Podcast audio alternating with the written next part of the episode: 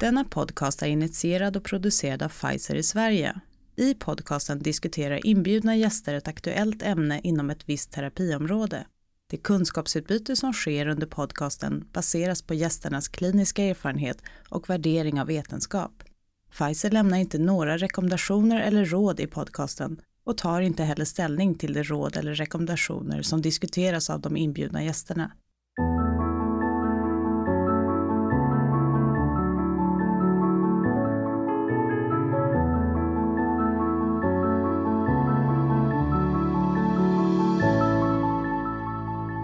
I det här avsnittet får vi höra hela webbinariet med nyheter och intervjuer från 2020 års jularkongress som Pfizers medicinska rådgivare Petra Neregård höll i. Hej och varmt välkomna till Pfizers julavebbinar med rapportering från årets jular som ju minst sagt har varit lite annorlunda i år. Jag heter Petra Nergård och är reumatolog och medicinsk rådgivare på Pfizer. På grund av covid-19-pandemin så bestämde man sig tidigt för att ställa om årets jular till ett virtuellt möte och ändå köra på ungefär som det var tänkt. Och det tycker jag på det stora hela har fungerat bra. Trots att det inte blev riktigt som vanligt så tyckte vi på Pfizer att det var minst lika viktigt att rapportera från det här mötet och har försökt att få till intervjuer som vi brukar med forskare som har presenterat sin data. Men den här gången så har de flesta intervjuerna skett över webben vilket blir lite annorlunda som ni kommer att se. Ett par av intervjuerna kunde vi ändå göra utomhus, men förstås på behörigt avstånd. I år har det bland våra intervjuer varit störst fokus på RA, men ur många olika perspektiv ändå, så att ni kommer få höra en hel del om komorbiditeter och om riskfaktorer vid RA. Men även lite om eh, psoriasartrit och systemisk skleros. Det har bland annat kommit nya uppdaterade JOLA-rekommendationer när det gäller RA och PSA-behandling, lokala steroidinjektioner, biverkningar av checkpointinhibitorer och livsstilsförändringar. Och jag kommer att nämna lite om det här. Men framförallt så gick man ju igenom covid-19-rekommendationer som också publicerades i Annals of Rheumatic Disease den 5 juni.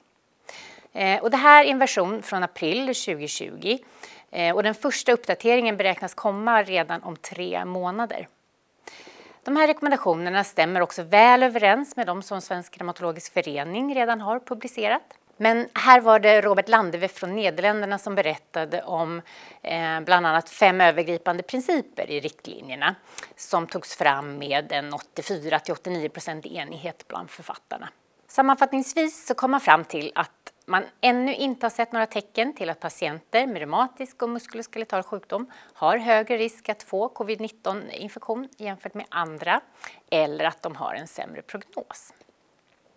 Eh, man vill också att reumatologer ska involveras i behandlingsdiskussioner, både avseende behandling med immunosuppression av egna reumapatienter med covid-19, men även avseende generella diskussioner vid användandet av immunosuppressiv behandling vid covid-19. Ett observandum är att man kan eh, se att det uppstår brist på eh, syntetiska DMARDs och biologiska DMARDs eftersom de också används vid behandling av covid-19-infektion. Så det är någon, ett observandum ändå, att man, man vill att man eh, ser över det. Överlag så var det många presentationer om covid-19 och hur det kan påverka eh, reumatisk muskuloskeletal sjukdom. Eh, när det gäller rekommendationer avseende RA-behandling som presenterades av Josef Smålen så går rekommendationer framförallt ut på treat to target eh, eller remission eller att åtminstone uppnå låg sjukdomsaktivitet. Eh, metotrexat och kortikosteroider är förstahandsval eh, och när detta inte lyckas så kan biologisk DMARD eller jakhämmare användas för att uppnå behandlingsmålet. Och jakhämmare kan användas direkt efter metotrexat.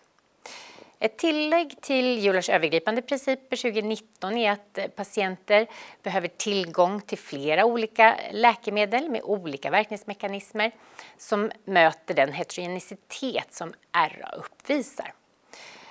Patienterna kan också behöva flera olika successiva behandlingar genom livet. Och biologiska DMARDs eller Targeted Synthetic DMARDs ska läggas till om behandlingsmålet inte nås med konventionella syntetiska DMARD. Om patienterna har dåliga prognostiska faktorer så ska man också starta med mer intensiv behandling redan från start. När det gäller rekommendationer kring livsstilsförändringar så har arbete gjorts för artros, RA, AS, PSA, systemisk skleros, SLE och gikt. Eh, man har tittat på fysisk aktivitet, rökning, kost, alkohol, vikt och arbete. Och utfall som har studerats är bland annat ledskador, funktionell förmåga, fatig, sjukdomsaktivitet och komorbiditet. Och de övergripande principer som nämndes här då, rekommendationer är att eh, livsstilsförbättringar ska komplettera medicinsk eh, behandling och man ska skräddarsy livsstil till varje individ och diskutera livsstilsförändringar regelbundet med patienter med reumatisk muskuloskeletal sjukdom. Nu ska vi gå över till intervjuerna och eh, vi ska börja med RA. Vi ska få höra Benedikt Delcoin, forskare från Karolinska institutet, presentera en studie där man har tittat på hur patienter i olika nordiska länder rapporterar kliniska utfallsmått som till exempel smärta i registerdata.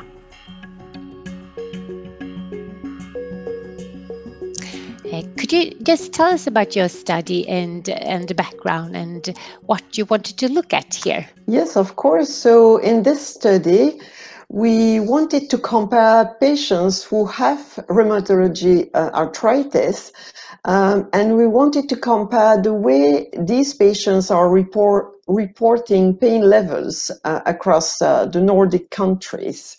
And the reason why we wanted to do that is that uh, pain, uh, something like uh, pain measurement, are subjective measurements, uh, but we use that kind of um, measures uh, to assess if the disease in a patient is active or not. So uh, it could be interesting to, to know how cultural background could affect this measure. And what results did you see? Um, so uh, yes, th- this was uh, really interesting. We we had uh, 20, almost twenty four thousand patients who had rheumatoid arthritis and who were starting for the first time in the, the disease, the, the, the course of their disease. Uh, they were starting a biological treatment. And for these patients, we, we measured the pain levels. And what we found is that there were differences between countries. For example, uh, in Norway, on average, the pain levels which were reported were lower than in Sweden, and in Iceland it was uh, higher. But of course, there could be many reasons for these differences. So we, we modeled uh, these uh, pain levels using other, what we would call objective measures. And what happened is that the differences were reduced when we modeled, but they were still uh, statisti- statistically significant. And what is your conclusion about this? Why do you think that there is such a big difference between the countries? Yeah, um, it's um, it was really interesting to see that there were differences, but we don't really understand why there are differences, and most important, we we don't know how it could impact the response to treatment, which is the most important.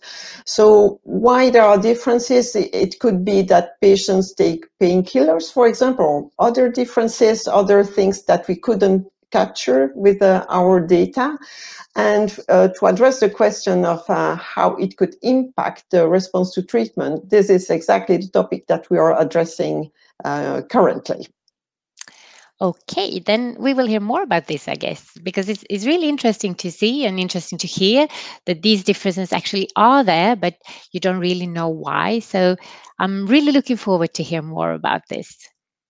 Thank you very much. Thank you to you. I'm really hoping to uh, to come with something with some publication in uh, uh, next future. Thank you so much. Ja, det är ju intressant att det är skillnader redan här i Norden tycker jag. Väldigt närbelägna länder som kulturellt är rätt lika. Och man kan ju ana att det kan vara ändå större skillnader eh, i de här utfallsmåtten mellan länder som är mer kulturellt olika. Viktigt förstås att ha med det i beräkningen när man gör studier och jämför registerdata mellan olika länder. Åse Hensvold som är senior postdoc på KI och läkare på Centrum för reumatologi forskar på tidig RA och är en av projektledarna för risk-RA-kohorten i Stockholm.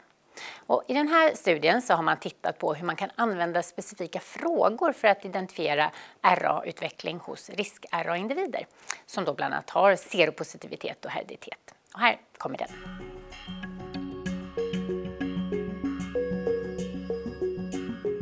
Kan du presentera i studio vad, vad var det egentligen som ni, vad är det ni har velat titta på och eh, varför? Uh, ja, eh, studien heter Prediktion av reumatoid artrit eh, genom användningen av Sparra-frågeformulären. Eh, och då är det så att eh, tanken var att undersöka symptom eh, hos individer med risk för att utveckla reumatoid artrit och om dessa symptom kunde, kan predicera om de faktiskt utvecklar reumatoid artrit eller inte. Eh, många riskärra eh, individer utvecklar inte reumatoid artrit och anledningen till detta är ju att detta inte i detalj är studerat så här vidare och det är därför vi gör det här. Och hur har ni gått tillväga? Ja, det, det är ganska Sen en tid tillbaka, om det är mer än fem år nu, så finns en frågeformulär som heter SPARRA. Eh, Symptoms in person at risk for rheumatoid arthritis som är utformad för patientens egna upplevelse av symptom och då är det patienter som är så riskindivider. Antingen har eh, seropositivitet har släktingar med RA eller har symptom som har väckts eh, som misstanke för RA eh, som har varit med och utformat den här frågeformulären och det är den som används i den här studien. Det är fyra deltagande centra i Europa. Det är Europeisk jularsamarbete, Amsterdam, eh, Birmingham, Genève och Stockholm och vi har bidragit med olika typer av riskarrapporter Eh, riskarrapporter som kan ha definierats utifrån att de är anti-CCP-positiva med muskuloskeletära besvär. Eh, individer som har släkting, första grads släkting med RA, eh, en kohort ser ut på det sättet. Eh, and, en annan kohort är individer med klinisk suspekt artralgi, alltså enligt Eular-klassifikationen. Så det är en ganska bred grupp av olika typer av riskära individer som har svarat på enkäten eh, och man har följt dem i minst två år Eh, och så har man sammanställt datan och analyserat eh, med univariatmodeller och multivariat eh, regressionsmodeller. Och vad har man kunnat visa då? Vad ja. man ser i, kohorten som är drygt 200 stycken är det 50 stycken som utvecklar artrit och i median ett år. Och de som utvecklar artrit i en multivariat modell visar sig att om man som patient rapporterar, alltså helt själv rapporterar att man har besvär med svullna leder eller besvär med smärta som förflyttar sig mellan leder. Eh, eller eh, eh, i det här fallet hittar man också resultat att lägre, mindre, är mindre trött än de som inte utvecklar artrit eh, eller har stelhet i fötterna. Att de tre symptom eh, som rapporterades har samband med om man utvecklar artrit eller inte. Och eh, vilka slutsatser kan ni dra av, av ja. det här då? Och vad, vad är det liksom ni har fått fram? Ja, att patientrapporterad eh, svullnad av leder är en stark eh, faktor för att predicera artritutveckling ett år senare. Eh, och den har ett hazard ratio på 3 vilket är ganska starkt. Likaså den här eh, rapporterad att verk förflyttar sig med leder. Det är också en stark faktor. Eh, och man kan väl säga att ja, det är värdefullt. Just de två frågorna är värdefullt att faktiskt ställa till patienter om man har, träffar en riskära individ. Eh, resultaten kan ju tänkas användas både i ett kliniskt sammanhang men också i ett forskningssammanhang där man är intresserad till exempel att i behandlingsförsök hitta de som är ökad risk av de riskindivider som finns. Så du tror ändå att man skulle kunna använda det både i kliniken eh, men som ni gör nu förstås i forskningssyfte? Ja, eh, jag, jag, tänker ju det. Jag tänker att den här forskningen ju, har ju som mål att uh, bli användbar i en klinisk sammanhang. Själva formulären är omfattande, 69 frågor, fem sidor eh, och vänder sig kanske bäst i forskningssammanhang. Men det som vi tänker i den här gruppen det är ju att eh, plocka ut vissa frågor som är extra värdefulla. Mm. Eh, och den, så att så småningom, ja. Mm. Och vilka var de frågorna då? Det är ju patienters upp, alltså rapporterad svullnad eller leder, om patienter rapporterar svullnad av leder. Mm. Ja. Tusen ja. tack! Tack så mycket! Tack. Apropå att identifiera patienterna tidigt så lyssnade jag på en studie från Leiden. Och där ville man studera om tidiga artritpatienters besök till reumatolog redan sex veckor efter symptomdebut var mer fördelaktigt avseende DIMARD-fri remission och radiografisk progress jämfört med om första besöket skedde 12 veckor efter symptomdebut. Och det här är enligt Julars rekommendation att tidiga artritpatienter ska bedömas redan efter sex veckor efter symptomdebut och om det här då gör någon skillnad. Eh, och det visade sig att det faktiskt gör det när det gällde att uppnå bibehållen dimardfri remission så var det en klar fördel att träffa reumatolog redan efter sex veckor jämfört med 12 veckor. Men när det gällde radiografisk progression så såg man ingen eh, större skillnad jämfört med om första besöket skedde vid 12 veckor efter symptomdebut. Ändå rätt intressant. Sex veckor är ju väldigt kort tid kan man ju tycka, men det kanske är ditåt vi ska sträva ändå. Nu går vi vidare till Karl Turesson från Skånes universitetssjukhus som har tittat på riskfaktorer för RA och den här gången specifikt hos män.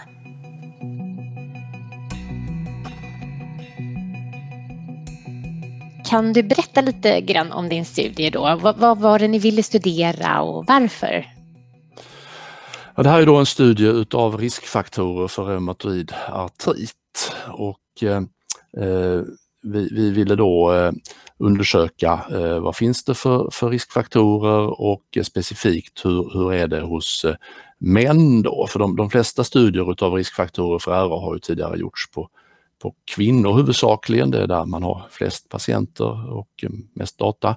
Ehm, och eh, därför ville vi specifikt undersöka hur ser det ut hos män och också är det någon skillnad när det gäller vilka riskfaktorer man ser beroende på hur gammal man är. Och hur gick ni tillväga? Ja, vi använder oss då utav eh, en befolkningsbaserad hälsoundersökning, Malmö förebyggande medicin, där man då bjöd in Malmöbor för undersökning och eh, provtagning och så och eh, eh, Eh, bland annat kartlade rökvanor och vägde och mätte deltagarna. Och eh, sen har vi då eh, genom registerlänkning och journalgenomgång tagit reda på då vilka av deltagarna som senare har utvecklat reumatoid artrit.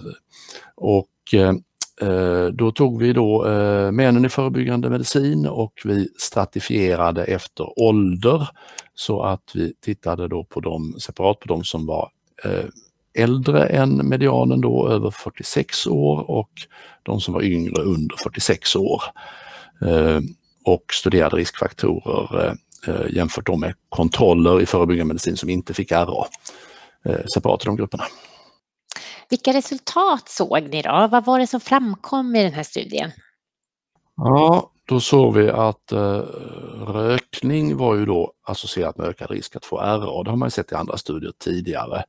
Eh, och det var framförallt tydligt hos de som var över 46 år när de då deltog i förebyggande medicin. Eh, sen så eh, såg man då när det gällde BMI då att de som var överviktiga eller feta, eh, de hade då eh, lägre risk att utveckla RA och det var då en signifikant skillnad hos de som var över 46 år gamla. Eh, så eh, hos de äldre så var rökning en riskfaktor, övervikt, fetma var skyddande och det verkade då som att levnadsvanorna hade större betydelse hos de som var äldre. Ja, och äldre här, det är ju 46 år och det kan man ju kanske tycka att det inte är en sån åldrande population än. Men vad drar ni för slutsatser av det här? Ja, det, är ju, det är ju relativt sett då. Eh, jag håller med om att 46 inte är så gammalt. Eh, men det är ju då rent statistiskt att hälften var under 46 och hälften var, över 46. Eh, och man, det, man kan tänka sig då att genetiska faktorer kan få större betydelse hos de som är yngre och, eh, och andra miljöfaktorer och hur man har levt sitt liv och så får större betydelse ju äldre man är. Så ehm, och eh, RA är ju multifaktoriellt, det finns många, många vägar till, till att få RA och eh, ligger nära till hands att det kan skilja sig en del mellan män och kvinnor och beroende på hur gammal man är. Ja, jag antar att ni ska titta vidare på det här och få lite mer detaljer ur de här studierna. Men hur, hur kommer ni gå vidare nu först? Ja, vi, vi, är ju intresserade av att också då att, att titta på hur detta relaterar till eh, biomarkörer där i den här fasen innan man får eh, eh kliniskt eh, reumatoid artrit då, eh, och, eh, och se hur, hur, vilka bakomliggande mekanismer som kan förklara de här sambanden. Mm. Ja, det ska bli spännande att höra mer.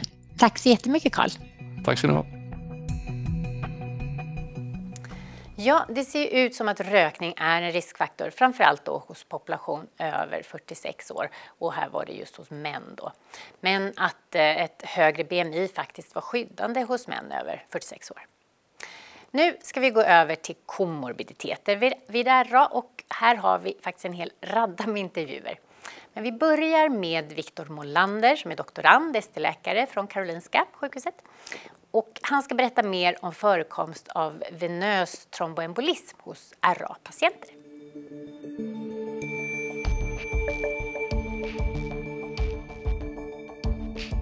Kan du berätta lite grann om er studie och vad är det ni har studerat och, varför? Ja, eh, till att börja med så är det så att patienter med RA har en ökad risk för att eh, drabbas av venös tromboembolism vilket innefattar både djup ventrombos och lungemboli. Och detta vet man beror delvis på att RA-patienter har eh, en ökad mängd riskfaktorer för venös tromboembolism om man jämför med normalbefolkningen. Sen vet man också att eh, inflammation ökar blodets koagulationsförmåga eh, och det påverkar sannolikt risken av att utveckla venös tromboembolism men exakt hur mycket det påverkar eh, vet man inte riktigt. Ehm, Sen har ju frågan också aktualiserats senaste år med tanke på att man observerat en ökad tendens för venös tromboembolism hos RA-patienter som behandlas med JAK-hämmare. Ehm, så med den bakgrunden så tyckte vi att det var intressant att ta reda på om det finns en koppling mellan eh, sjukdomsaktivitet eh, vid RA mätt med DAS28 och eh, förekomsten av venös tromboembolism. Och hur gick ni tillväga då?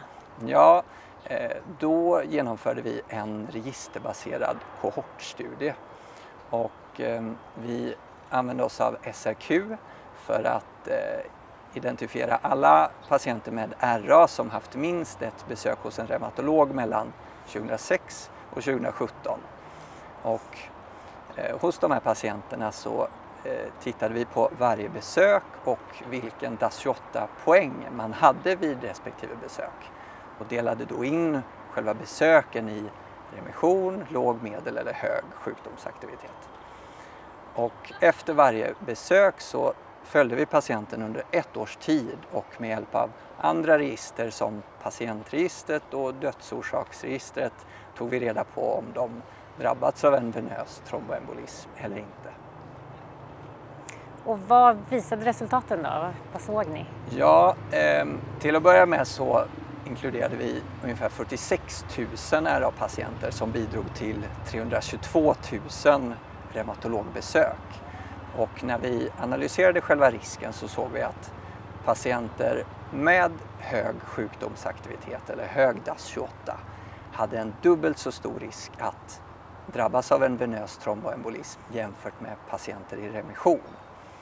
Eh, och vi tittade också på den absoluta risken och då såg man att för patienter med hög DAS28 så var, hade man en 1% risk att drabbas av venös tromboembolism under det följande året.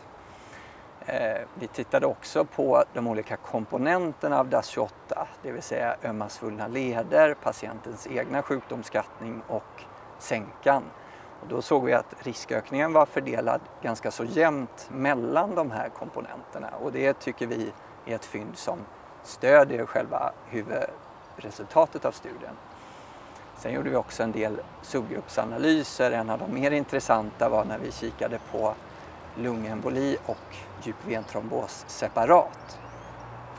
Och eh, avseende lungemboli så såg vi att vid hög sjukdomsaktivitet så hade man en tre gånger så stor risk att drabbas av lungemboli jämfört med eh, vid remission. Ja, men det är ju en, en rejäl skillnad ändå. Mm.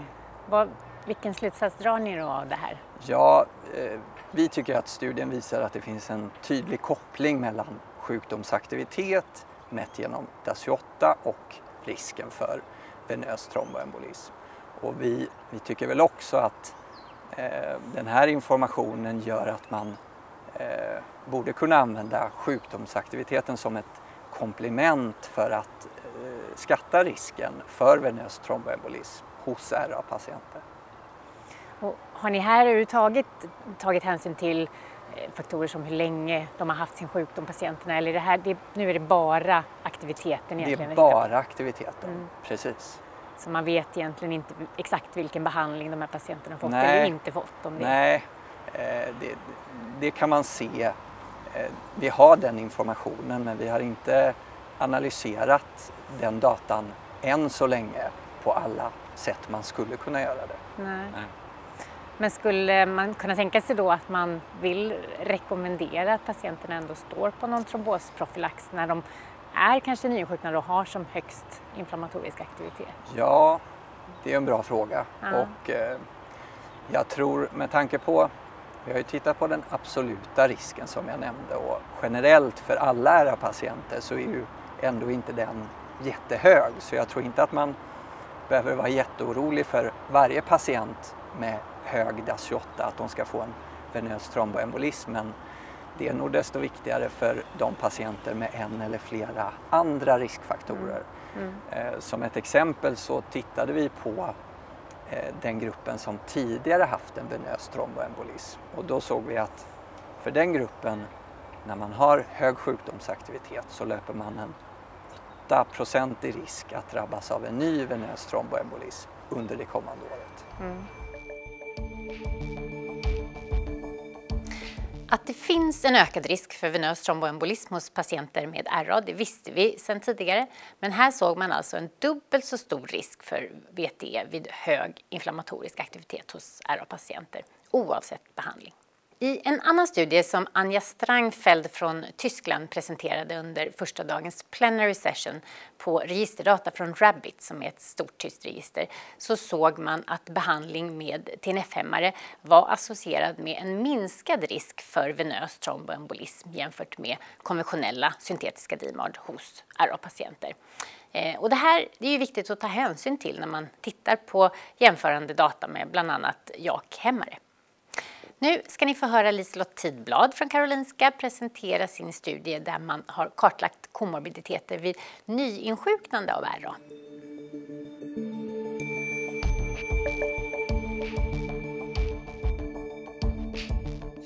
Vad är det ni har studerat då och varför?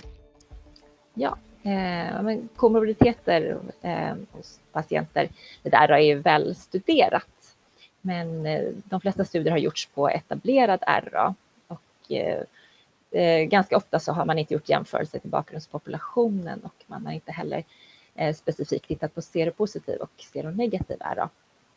Och det kan då vara svårt att se, svårt att se vilka komorbiditeter som är överrepresenterade redan vid, vid insjuknandet och vilka som ökar kanske som en följd av RA eller behandlingen med RA. Så vi, vi vill göra en bred genomgång av komorbiditeter redan vid insjuknandet. Vi vill det till sjukligheten hos befolkningen i övrigt och eh, även titta om det finns skillnader mellan seropositiva och seronegativa patienter. Och det finns eh, fina register i, i Sverige så goda möjligheter att göra den typen av, av studier. Ja, precis. Och hur, hur har ni gått tillväga då för att fånga in de här patienterna och, och fånga in data? Eh, vi har tittat på eh, förekomst av komorbiditeter hos 11 000 fall med nydiagnostiserad RA. I varje fall så har vi fem kontroller matchade på kön, ålder och eh, geografiskt område. Och information om fallen har vi fått ifrån SRQ, det är från åren 2006 till 2015. Information om komorbiditeter har vi fått ifrån nationella patientregistren och det är upp till fem år innan, innan diagnosen är RA. Vi har också information om förskrivna läkemedel ett och ett halvt år innan RA-diagnos. Och vi har använt logistisk regression för att få fram odds ratios och sen justerat för ålder och kön. Ja, vad såg ni då? Vilka resultat har ni fått fram? Ja. Eh, vi har sett att det finns flera grupper av komorbiditeter som är överrepresenterade både hos seropositiva och seronegativa patienter med RA.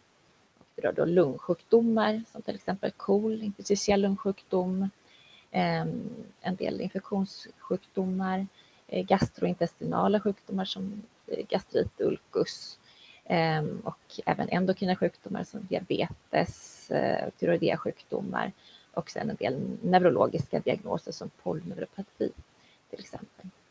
Och hos patienter med framförallt seropositiv ärra så såg vi även en minskad förekomst av en del psykiatriska diagnoser och cancer. Och hos seronegativa eh, patienter en något ökad förekomst av kardiovaskulära sjukdomar. Och vi har också tittat på antal komorbiditetsgrupper. Där såg vi inte så stora skillnader mellan fall och kontroller, men det fanns ändå en tendens till fler komorbiditetsgrupper hos fallen och då särskilt de seronegativa. Var det någonting då som ni blev förvånade över eller, eller var det här förväntade resultat? Är det någonting som du tycker står ut som icke förväntat? Ehm, ja, men jag blev nog lite överraskad över de här resultaten gällande de psykiatriska diagnoserna. Att det var, var lägre hos, eh, hos fallen och framförallt hos de seropositiva. Det hade jag inte väntat mig. Eftersom man har sett att eh, eh, hos etablerade ärrdepressioner eh, ökad hos, hos fallen. Och vilka slutsatser drar ni då? Dels om, om det här med depressioner men, men också av hela studien. Eh, för det är ju väldigt intressanta data som du presenterar. Absolut. Ja, nej men eh, det är väl att det, att det finns flera skillnader i förekomst av komorbiditeter jämfört med RA-patienter och den allmänna befolkningen redan vid insjuknandet. Och det gäller framförallt lungsjukdomar, vissa endokrina och neurologiska diagnoser. Och att det också finns eh, tydliga skillnader mellan seropositiva och seronegativ RA, vilket stödjer att de skiljer sig åt kliniskt på, på många sätt. Och den här studien ger en bred kartläggning av komorbiditeter redan vid RA-diagnos. Det kan också vara viktigt för tolkning av andra komorbiditetsstudier vid etablerad RA, både, både sådana som redan är gjorda och framtida mm. studier, tänker jag. Hur kommer ni gå vidare då? Just nu så slutför vi artikeln till det här abstraktet som publiceras vid Eurokongressen och där finns det mer plats eh, till att gå in mer på de enskilda kommuniteterna. Hittills så har vi mest pratat om grupper. Ehm, och i kommande studier så kommer vi mer att titta på val av behandling, behandlingssvar och prognos relaterat till kommunitet. Så det, det tycker jag ska bli väldigt spännande. Tycker du att det är någonting som vi ska göra i kliniken, någonting som vi kan göra annorlunda eller någonting som vi kan implementera? Ja, eh, att vi har kunskap om komorbiditeter är ju väldigt viktigt för den här patientgruppen. Att det är det som påverkar både morbiditet och mortalitet.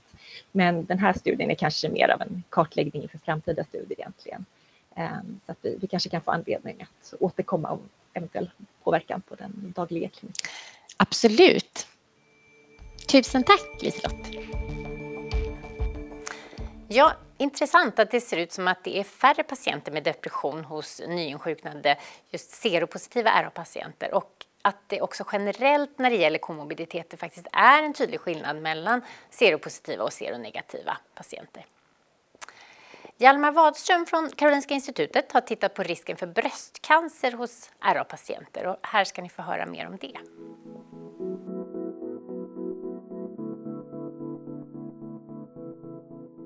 Ska du få berätta lite mer om er studie. Då. Vad, vad var det ni ville studera och, och varför?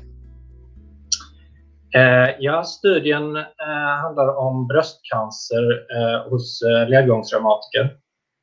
Och eh, det här eh, spännande ämnet tyckte jag eftersom eh, många studier tillbaks, eh, som ända tillbaks till 80-talet har visat en lägre risk för bröstcancer eh, bland kvinnor med RA Um, och eh, det här är lite i kontrast till övrig cancer där man ser en lätt ökad totalrisk hos uh, kvinnor, med, eh, kvinnor och män med RA. Uh, ehm, och um, det är ingen som har tittat innan på vad det här kan bero på eller tagit in hormonella faktorer eller liknande i, um, i studier, utan man har bara sett det här i studie efter studie. Så eh, vi ville titta på, ser vi fortfarande den här minskade risken och hur ser det ut innan man får RA? Um, ehm, om, om det är själva RA i sig eller behandlingen av RA, uh, eh, då borde vi ju se att risken börjar minska efter att RA börjar. Men om den redan finns där från början så borde det bero på andra saker. Och sen så en tredje, en tredje grej i den här studien är att uh, aromatashämmare och tamoxifen som är bröstcancerbehandlingar. De är väldigt vanliga. Eh, de ger mycket ledvärk eh, och eh, det finns några studier och misstankar om att de även skulle ge inte bara ledvärk utan faktiskt RA. Så vi ville studera det i vårt material också. Och hur gick ni tillväga för att studera det här? Jo, vi utgick då från Svensk reumatologis kvalitetsregister, SAQ, och länkade det eh, med andra stora svenska register som Cancerregistret, Läkemedelsregistret och Befolkningsregistret för att få fram data på samsjuklighet och eh, medicinering, eh, p-pilleranvändning, hormonbehandling, barnafödande, utbildningsnivå och så vidare. Sen så kunde vi då med hjälp av detta jämföra kvinnor med RA mot kontroller med avseende på bröstcancerrisk före RA och efter RA och hur risken såg ut med samtidig aromatas eller tamoxifen-hämmarbehandling. Vilka resultat såg ni då? Ja, i likhet med tidigare studier så såg vi en 15-20% lägre risk för bröstcancer hos eh, kvinnorna med RA. Eh, eh, det som var nytt var att vi kunde i vår studie ta med data på hormonella faktorer och vi såg att det spelade ingen som helst roll för resultatet. Alltså det berodde inte på barnafödande eller hormonbehandling och så vidare. Det vi också kunde se var att den här minskade cancerrisken, den fanns där redan innan kvinnorna fick RA. Till slut kunde vi också se att aromatashämmarbehandling och tamoxifenbehandling vid bröstcancer ökade inte risken för att utveckla RA i framtiden. Ja, och vad drar ni för slutsatser av det här då? Det är ju ganska stora skillnader och har ni någon teori som ni har funderat på? Ja, alltså dels så var det ju vissa svagheter i studien att vi hade inte data på alla tänkbara confounders eh, som vi kunde tänka oss, som rökning eller BMI. Ehm, eh, men de måste ju ha ganska stor eh, skillnad mellan kvinnor med RA och kontrollerna för att de ska få sådant genomslag. Och Det tror vi inte att de har. En annan mer spännande förklaring skulle ju vara eh, att det finns några genetiska faktorer som spelar roll. Ehm, men ehm, ja, det är en bra fråga. Vi vet faktiskt inte. Ja, man ser alltså en lägre risk hos RA-patienter och den minskade risken ser alltså ut att finnas där redan innan debut av RA. Det är ju intressant, så man skulle kanske behöva och vilja veta lite mer vad det beror på. Men förhoppningsvis så får vi höra lite mer studier på det området längre fram. Nu ska Olafur Paulsson, doktorand och ST-läkare i Lund och på Island, berätta om konsumtion av smärtstillande läkemedel hos RA-patienter på just Island. Och Här så kan man ha den studie som Benedikt presenterade i början av webbinariet eh, i bakhuvudet.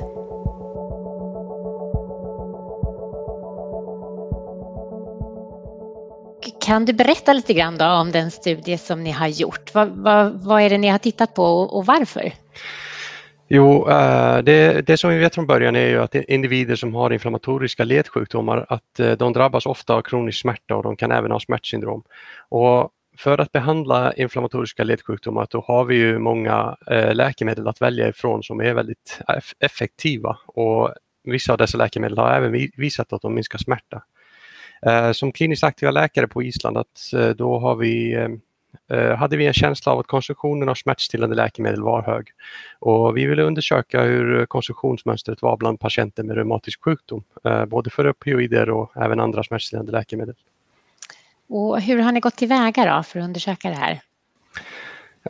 Vi har en, på Island finns det IceBio och det lanserades 2008 och det är motsvarande det svenska reumatologiska kvalitetsregistret eller SRQ, alltså en databas som innehåller data med behandling av antireumatiska läkemedel för att starta en biologisk behandling i, på Island, att då är det ett krav att de är först registrerade i ISBO och således har det blivit mycket lämpligt, eh, alltså bra täckning av patientdata och sjukdomsvariabler.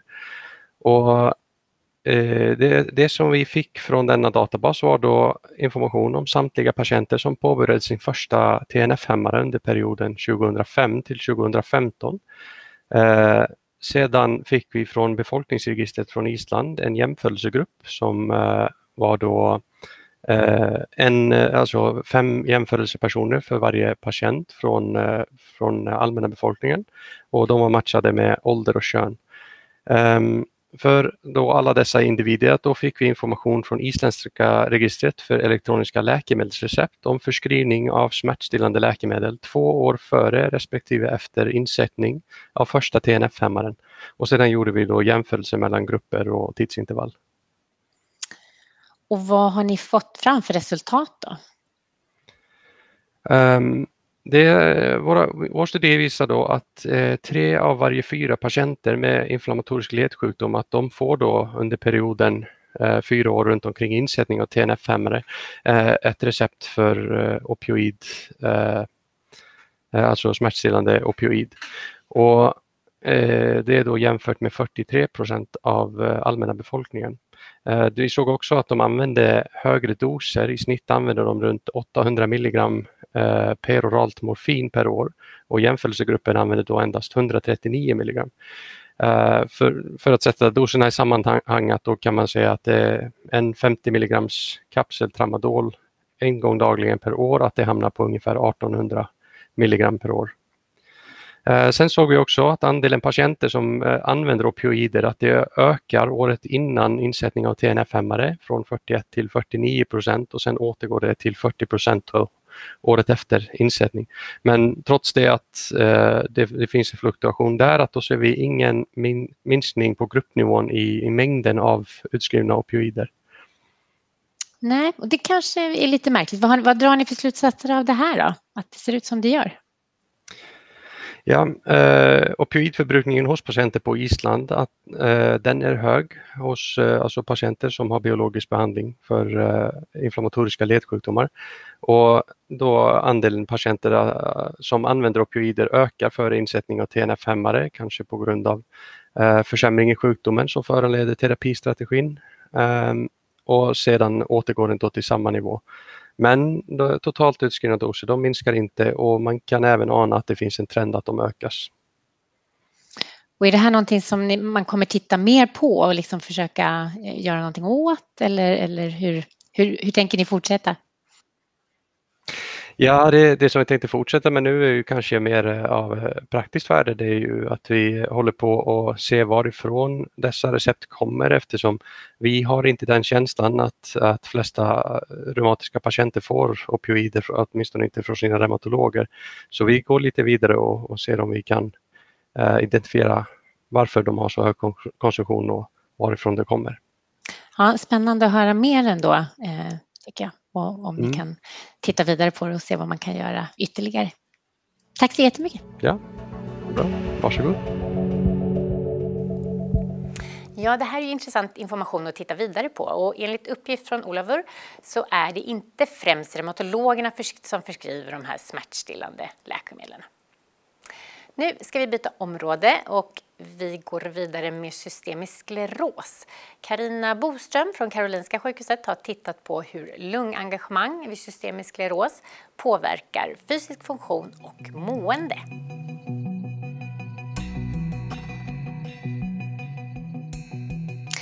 Nu ska du berätta lite grann om studien eh, som du presenterar, lite bakgrund och vad var det ni ville titta på och varför?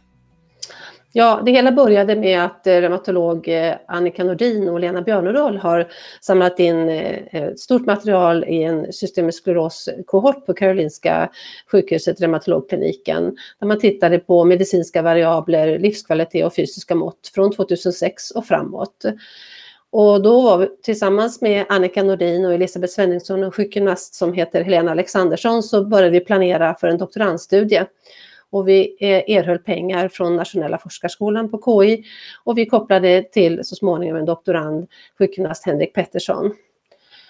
Och mitt intresse var då, för det var jag som utvecklade den här forskningsplanen, var att titta på skillnaden mellan de som har lungengagemang och inte eh, vad det gäller fysisk funktion och fysisk aktivitet och träning.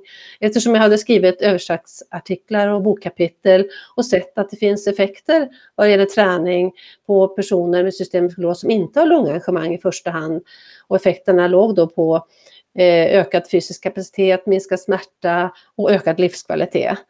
Så, så började det hela och den här studien då är en del av den här avhandlingen och en fortsättning på den här bakgrunden så att säga. Där vi vill titta på patienter med systemisk skleros med och utan svåra lungengagemang, om det är någon skillnad i fysisk funktion, fysisk aktivitet, livskvalitet, depression och dagliga livets aktiviteter. Hur gick ni tillväga då för att studera de här patienterna? Ja, eh, reumatologerna och Annika Nordin och Lena tidigare då, de eh, gjorde de medicinska mätningarna och sedan var det en sjuksköterska som samlade in eh, de olika frågeformulären och så var det sjukgymnaster som gjorde olika former av mätningar. Så i den här studien som jag kommer att presentera så är det 279 patienter eh, som har, där majoriteten har begränsad systemisk skleros och där ungefär 156 har en ingen till mild lungengagemang och eh, 115 patienter har en mer måttlig till svår lungengagemang. Och de fick fylla i olika frågeformulär. Health Assessment Questionnaire som mäter dagliga livets funktion. Hospital Anxiety and Depression eh, Scale som mäter oro och depression. Och eh, SF36 som mäter livskvalitet och frågor om fysisk eh, funktion, fysisk kapacitet och fysisk aktivitet. Och vilka resultat såg ni då? Vad fick ni fram i den här undersökningen?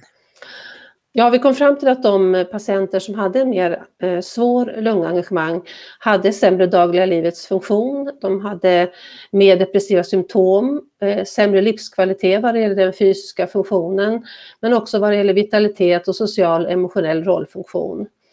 Och vidare hade de en sämre fysisk kapacitet, de hade svårare att gå och springa, eh, de var betydligt mindre fysiskt aktiva och de tränade också mindre det senaste året jämfört med de som har en, mild till normal lungfunktion.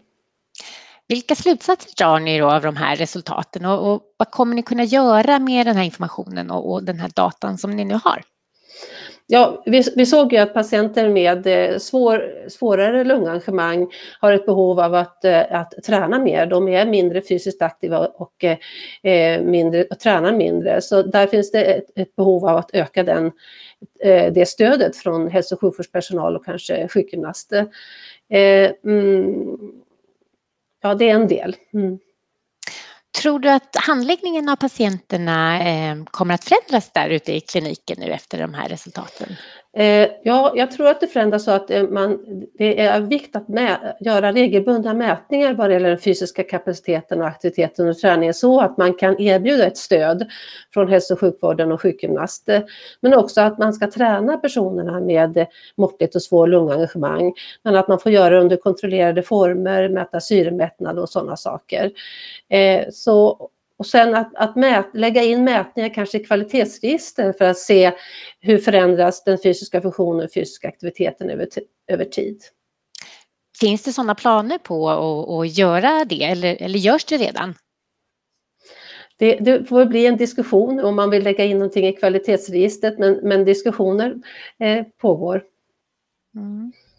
Ja, tack så jättemycket Karina. Tack för idag. Tack. Ja, här är det viktigt att följa de här patienterna och hjälpa till med träning, vilket ser ut att kunna förbättra den fysiska förmågan och välmåendet hos den här patientgruppen. Sista intervjun idag den ska handla om psoriasisartrit.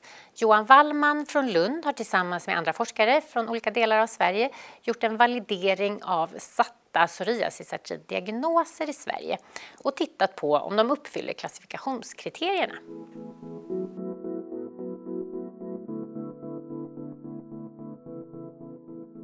Kan du berätta lite mer om er studie? Vad, vad var det ni ville studera och, och varför? Ja, absolut. Nej, men vi eh, skulle titta här på kliniska psoriasisartritdiagnoser i Sverige, ICD-10-koder i nationella patientregistret. Hur väl stämmer det överens att ha fått en sån diagnos med att också uppfylla klassifikationskriterier för psoriasartrit. Eh, det här är viktigt därför att när man ska göra Eh, registerstudier, epidemiologiska registerstudier eller behandlingsstudier på olika sätt där man tittar på behandling, eh, så är det viktigt att veta att de fall man identifierar genom ICD-10-koder faktiskt också har den sjukdom man vill studera. Ehm, så det är ju skälet till det, att vi gör den här studien för att lägga en grund för att kunna göra mer registerforskning kring psoriasisartrit framöver. Eh, det vi gjorde var att vi slumpvis valde ut 400 patienter från Eh, fem olika sjukhus i Sverige, 80 patienter per sjukhus. Eh, och det var universitetssjukhusen i Umeå, Karolinska Solna och Sahlgrenska samt två mindre sjukhus i Falun respektive Helsingborg. På varje ort valde vi då ut 80 individer som fått psoriasisartrit-diagnoskod som huvuddiagnos från reumatologienhet mellan 2013 och 2015. Och sen har vi läst de journalerna på de här individerna så långt bak i tiden som Eh, man kunde komma och så bedömt, eh, samlat på ett strukturerat sätt, samlat in information för att kunna bedöma om de uppfyller olika typer av klassifikationskriterier för psoriasisartrit. Och de kriterier vi då tittat på är Caspar-kriterier, Moller-Wrights klassiska definition, men också två lite mindre kända kriterier av Vasey och Espinosa respektive modifierade ESSG-kriterier för psoriasisartrit. Så det är det vi har gjort. Och vilka resultat fick ni fram då? Vad vad, kanske huvudresultaten mm. och, och ja, det som var spännande?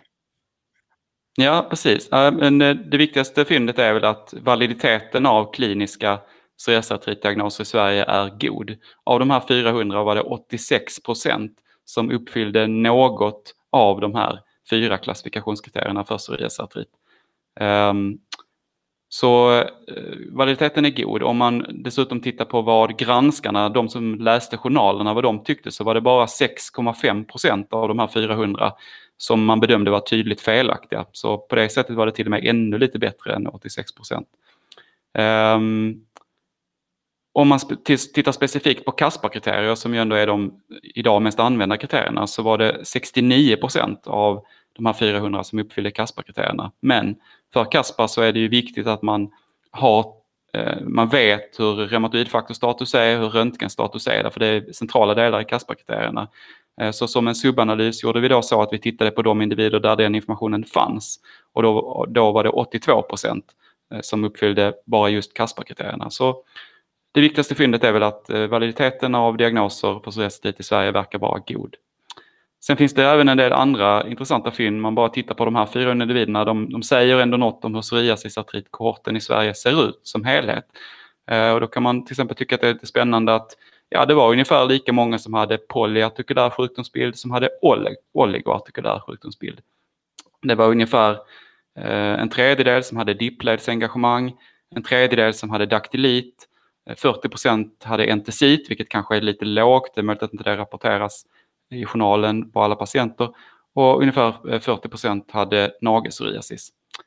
Um, och vad gäller röntgenfynd så var det en tredjedel som hade det. Så att det, det här, förutom att det visar då att validiteten är god så säger det också något om hur psoriasispatienter i Sverige ser ut. Ja, här såg man att vi ändå verkar vara rätt bra på att sätta psoriasisartritdiagnos här i Sverige, trots att det är en väldigt heterogen sjukdom som kan vara svår att diagnostisera. Korrelationen är god och eh, det kommer att underlätta när vi fortsätter med annan forskning och bland annat registerforskning då på psoriasisartrit. Det var den sista intervjun för idag. Ett litet annorlunda men covid-19-anpassat upplägg med intervjuer på, på distans. Det blev som sagt ett stort fokus på RA den här gången, men jag tycker ändå att det var många intressanta studier som vi fick fördjupa oss i. Har ni några frågor så får ni jättegärna mejla till mig så ska jag försöka svara på dem. Men tack så jättemycket för idag och på återseende. Tack för att ni har lyssnat. Missa inte att gå in på pfizerplay.se. Där samlar vi alla intervjuer och webbinarier från utbildningar och kongresser. Och där kan ni också registrera er till vårt nyhetsbrev.